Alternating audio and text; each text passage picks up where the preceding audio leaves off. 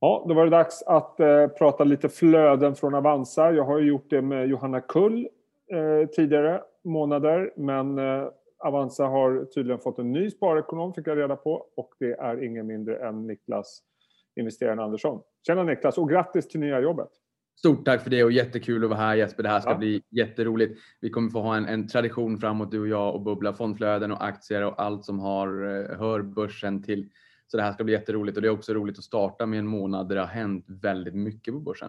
Minst sagt. Nej, men det ska bli väldigt kul att prata med dig. Jag, menar, jag vet ju att om jag frågar dig vad stod HMI den 14 mars 1993 så vet du det.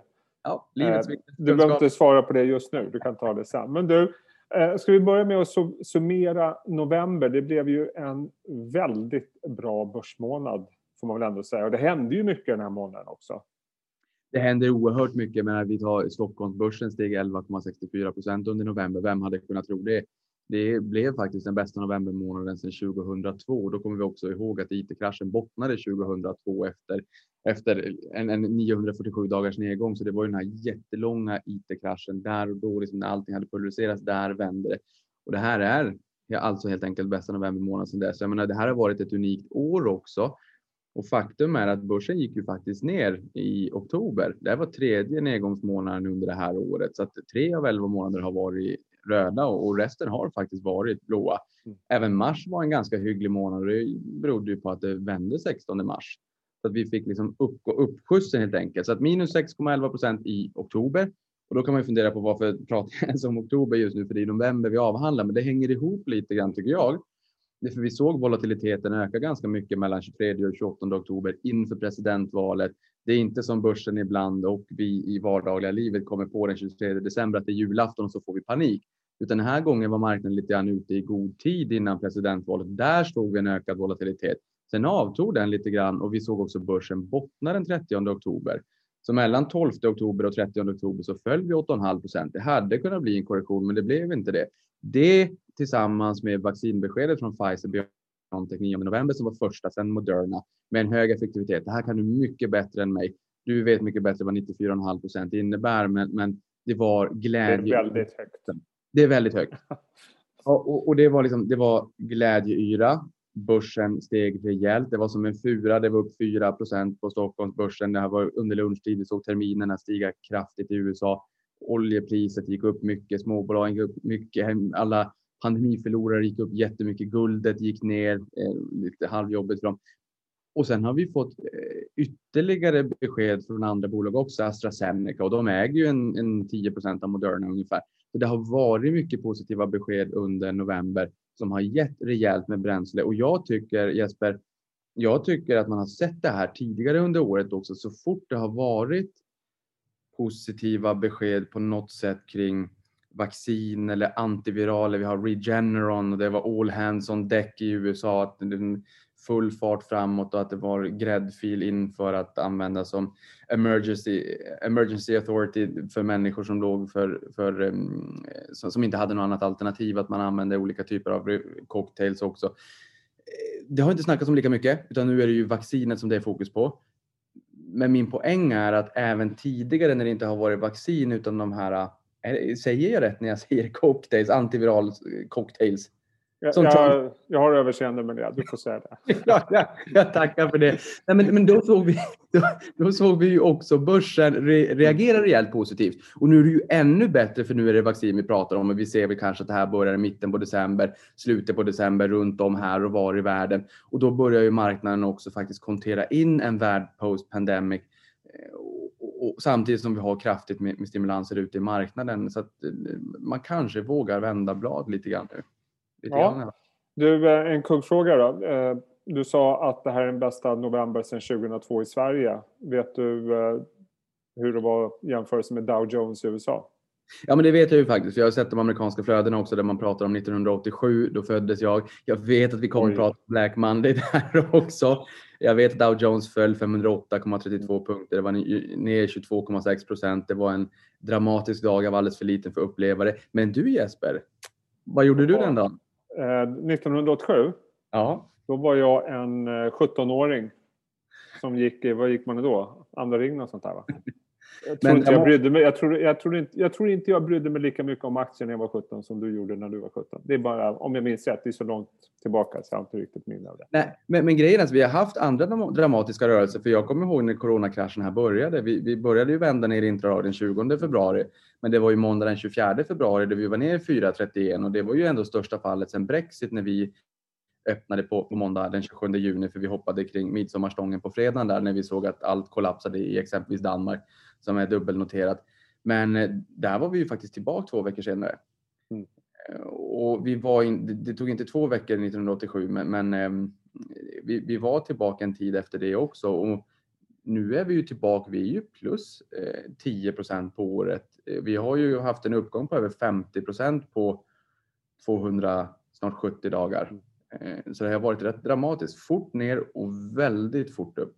Ja, otroligt dramatiskt. Om man tittar lite grann på hur eh, eh, Avanzas kunder har agerat vad gäller fonder och aktier. Ser du eh, samma, alltså ser du någon effekt från det du har pratat om i november med vaccin? För vi hade ju den här otroliga sektorrotationen där i början av november. Eh, hur ser det ut nu när du summerar månaden? Ja, men när vi summerar månaden så kan vi se på, på fondsidan att det är gröna energifonder som lockar spararna väldigt mycket. Och det man får där är ju sekulär tillväxt. Eh, och det jag menar med sekulär tillväxt det är ju att du får en trend som åtnjuter strukturell tillväxt eller kanske till och med att vi vågar oss på ett så pass stort ord som megatrend i och med att vi har en global hållbarhetsutmaning, klimatutmaning som måste adresseras och det finns lösningsbolag på det här också. Så där har vi sett att spararna har rusat till den typen av lösningar för andra månaden i rad. Och det här är ju ändå en ganska nischad eh, branschfond. Men det pratas allt mer om det här, både med eh, segern för Joe Biden i USA där man säger att man ska göra mycket mm. för att adressera den här frågan. Vi ser att Europa viker den största andelen av sin budget, av den största budgeten någonsin. Så att den största andelen av budgeten av den största budgeten någonsin. Det är liksom stor på stor effekt på något sätt eh, till det här och man säger också att man ska vara den första eh, helt eh, klimatneutrala kontinenten. Så det är många, stjärnorna står lite grann rätt och det här är väldigt många som har namnat och, och, och tycker att den här trenden är väldigt spännande. Det man finansierar det här med, sen kan jag väl säga att nummer två är Sverigefonder också. Och det är väl lite roligt Eh, Eh, när man reflekterar över det för att OMXS30 ehm, den är, ju lite smalare men det är oftast det man pratar om. Det är oftast också storbolagen även om det är de mest omsatta aktierna. Men OMXS30 har gått brett, bättre än breda Stockholmsbörsen under november månad också och jag tror i mångt och mycket att det handlar om dels de positiva signalerna som gör att man vågar tro på konjunkturen som lyfter cykliskt. Men vi har också sett att bank har fått väldigt bra fart under, under galoscherna och bank har varit ganska ganska jobbigt under ganska många år, även om vi tittar totalavkastningsmässigt. Och nu har det, var vi jobbigt, ursäkta, det var ju jobbigt redan innan pandemin. Eh, ja, den här sektorn, eller hur? Ja, exakt. Och jag, lång tid. Lång tid, väldigt lång tid. Och jag menar, vi, vi klev in i ett negativt ränteklimat 18 februari 2015. Det är inte ja. heller igår. Och sen har, vet inte jag hur den här pandemin har påverkat bankerna i digitaliseringsriktningen. Ehm, men det, den frågan fortsätter ju allt jämt såklart. Men SEB och Handelsbanken är upp en 20, 21, 22 procent och det är ju bra mycket mer än Stockholmsbörsen så de har faktiskt hjälpt indexet också att, att putta uppåt. De har ju varit de har ju dragit indexet ner under lång tid och varit liksom läger som man så säger och nu är, har de varit lite mera movers som har varit lite mer full fart framåt och hjälpt indexet. För bank är, åtminstone innan Nordea eh, flyttade till Finland så var det bank 25 procent och verkstad 25 procent ungefär brukar man ju säga. Mm. Eh, så det tycker jag är intressant. Det man finansierar det här med det är dels fastighetsfonder och även räntefonder. Och det är klart, fastigheter hade jättejobbigt i våras och det skakade till på obligationsmarknaden. Och sen kom de tillbaka med en viss fördröjning. Det vart en viss catch-up-effekt. Ja. Inte minst med, med, med Pand också, men outlier såklart med, med coronavaccinbeskedet när de rusade 31 procent den dagen och de upp 66 procent i november. Så där har ju varit ett rejält rally, men det har ju varit för att de tidigare har pulveriserat pulveriserats. Pandox har ju handlats med premie under stor del från att de kom in till börsen igen för andra gången 2015. Eh, och nu fick man köpa en krona för ungefär en 50-öring om man tittar på långsiktigt substansvärde. Ehm, men, men man har ändå valt, kanske oro för en andra pandemivåg, att um, sälja av fastigheter, kanske ta hem lite vinster om man har varit lite mer kortsiktig för att finansiera de här gröna, um, grön energi och um, Sverigefonder. Annars får man intrycket av, jag har ju pratat med mycket fastighetskunnigt folk i, i, i veckan som eh, visar att eh, kreditmarknaden är live and kicking just nu, vilket vi inte minst ser i budstriden i Entra mellan SBB och Castellum. Så att eh, sektorn har ju verkligen kommit tillbaka eh, sen i våras då kreditmarknaden var helt fryst i stort sett. Så att, eh, intressant att se hur de har agerat där i fastighetsfonder och se hur det går. Hur, hur ser det på aktiesidan då? Jag antydde där att vi har sett en viss återhämtning till, tillbaka till tillväxtaktier, vilket vi såg eh, eh, marknaden ratade där i samband med Pfizer-beskedet och vi fick den här enorma, historiskt stora rörelsen, eh, ja, en, sektorrotationen. Ja, en jätterörelse. Jag vill, bara, jag vill bara koppla an på det du säger i fastighetsmarknaden mm. också. Jag tycker att det är ett medskick till spararna också att titta lite grann på hur branschfolket agerar. Och det har ju, blivit, det har ju liksom seglat upp till en liten fight också om det här norska Entra. Sista ordet är inte sagt. Nej. Det har rört upp känslor där ute. Det, det görs uppenbarligen transaktioner, intresset finns. Det borde man ta som en ledande signal att det är inte kallt. Mm. Men, men, innan vi går in på aktierna vill jag också bara säga att det är ett H&M som har stigit 25 procent om man tittar på OMXS30. Mm. De här vinnare senaste månaden, de hade 300 butiker stängda som blev 800 som varit över 1000. Nu kanske man börjar kunna hoppas på att de kommer kunna börja öppna igen. De har en runt en 5000 butiker. Sen har vi Skanska med 21 procent, har Lundbergs tankar för 103,8 miljoner här i slutet på november. Och sen har vi Boliden med upp 21 procent, det får man ändå säga cykliskt. Ja. Och hur det då resulterar i hur våra avansianer har agerat så ser vi, precis som du var in på, vi såg en rejäl sektorrotation från mm. pandemivinnarna till pandemiförlorarna, de bortglömda aktierna och de, de, som har tagit allra mest stryk. Och då pratar vi om ett Pandox eller Scandic eller eh, SAS och Norwegian och kryssningsbolag i USA. Men framåt slutet på månaden så verkar det ändå som att de här pandemivinnarna som blev förlorare i rotationen. För det är också ganska logiskt. Man kanske har de bolag man tror på långsiktigt och helt plötsligt de aktierna som har mer eller mindre pulveriserats. Vi kommer ja. ihåg att har någonting fallit 50% så ska det upp 100 och många faller betydligt mycket mer än så. Pandox för 77,91% som mest. Ja, men då är det klart kortsiktigt kanske det är mer intressant att vara där och sen hoppa tillbaka till lite mer strukturell tillväxt över tid. Ett gamingbolag som Embracer är ju ett bolag som har en, en stor fanskara med många ägare bland avansianerna det här är en aktie som är den mest nettoköpta aktien under månaden.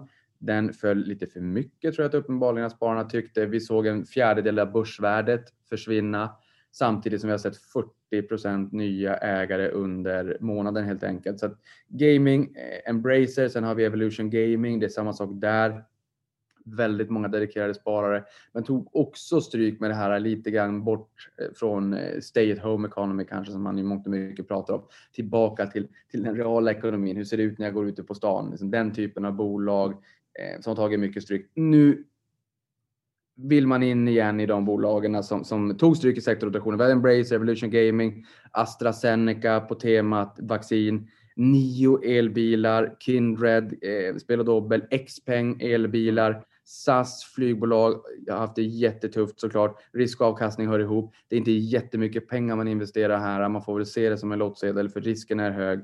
Um, Pfizer på samma sak där. Pfizer Biontech, de som teamade ihop med vaccinnyheterna 9 november. Eh, Swedish Orphan Biovitrum, Melisubi och SSAB.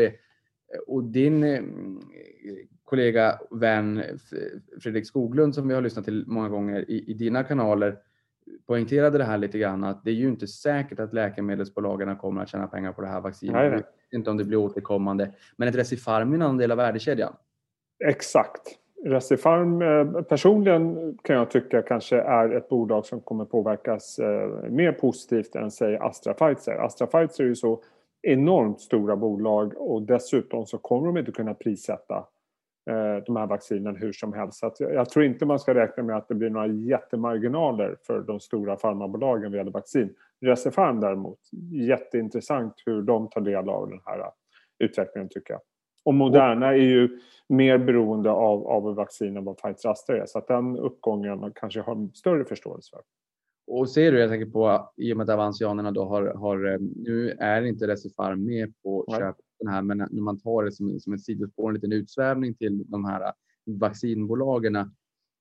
Ser du också, precis som Fredrik, att man kanske flyttar hem försörjningskedjor och, inte, och slår sig fri, att man inte är lika beroende av Kina i produktionsledarna för medicin som vi alla behöver oavsett vart i världen vi bor?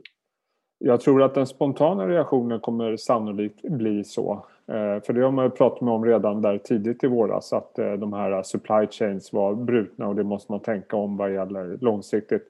Sen om det blir så långsiktigt eller inte, det får väl plånboken visa misstänker jag. Men eh, absolut intressant rörelse och Recifarm är ju ett jätteintressant case på, även på det temat.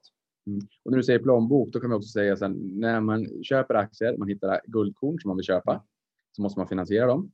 Antingen kan man ha ett löpande sparande, man sparar från lönen eller så säljer man någonting annat. Och I det här fallet så kan man ju ana att våra kunder har finansierat de här köpen med eh, Handelsbanken, Hennes Mauritz, Swedbank, SEB, Millicom, Lundin Energy, Boliden, Latour, Pandox och Sinch. Och här kan man ju också se en röd tråd i och med att det är bank i mångt och mycket som letar sig in på säljlistan. Som vi sa, bank har gått rejält bra under november månad. Eh, vi har ett Latour också man har skrivit om att det kanske har blivit rejält, en, en, en ordentlig premievärdering. Vi har en, ett enormt intresse efter investmentbolag mm. och fonder som investerar i investmentbolag. Um, här har man kanske tagit fasta på den mediala rapporteringen om premievärderingen. Den hamnar där. Ett Pandox som har stigit 66 procent. Det är, det är topplistan. Det är första platsen på Stockholmsbörsen, breda Stockholmsbörsen under november. Där har man också tagit hem lite vinster för att finansiera återgången då. För pennen slog över lite för långt. Ja, det gick oerhört snabbt. Jag tror aldrig det gått så snabbt eh, på några minuter bara. Du eh, Niklas, avslutningsvis då. Eh, nu är det första december. Hoppas att du tände ljus i söndags och fick öppna en lucka i morse. Men vad, vad kan du säga om börsmånaden december ur ett historiskt perspektiv? Vad kan vi vänta oss? Ja, men, eh, tittar man på de senaste 30 åren så har börsen stigit 0,8 procent i snitt i december. Men tittar vi på de senaste 10 åren så ser vi att det är ganska flät med en viss dragning neråt. Man brukar ju säga att många pratar om tomterally. Det kanske mm. vi också har våran liksom, det är lite roligt att prata om det såklart. Aktier är en vintersport.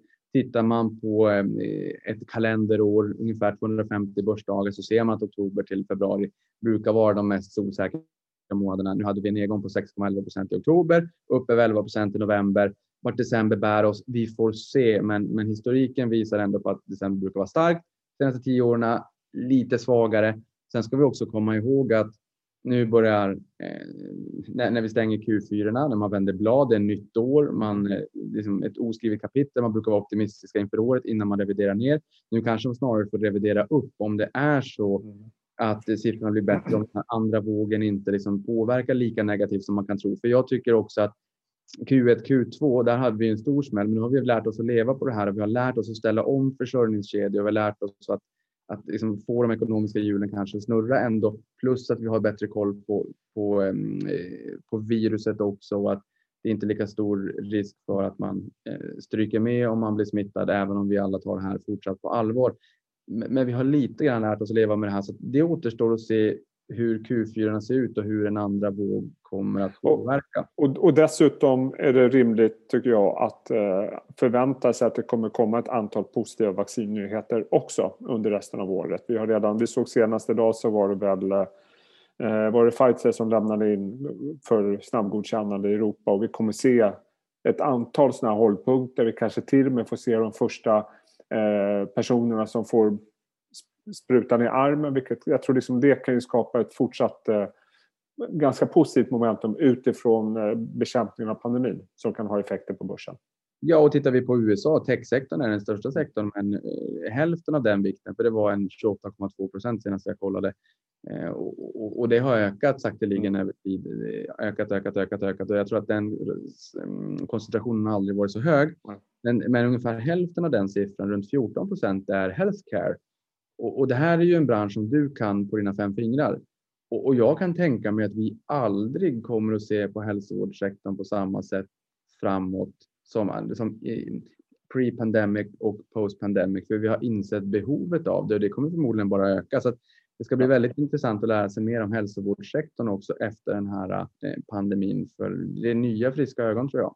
Ja, då man också avslutningsvis komma ihåg att eh, ganska många delar inom hälsovård har inte utvecklats speciellt starkt under det här året. För man har fått skjuta på operationer och andra grejer. Så att, eh, eh, jag håller med dig. Jag tror det kommer bli väldigt intressant att bevaka den här sektorn framöver. Jag misstänker att eh, eh, många människor i olika delar av världen vill se sina myndigheter investera mer i hälsovård efter den här pandemin.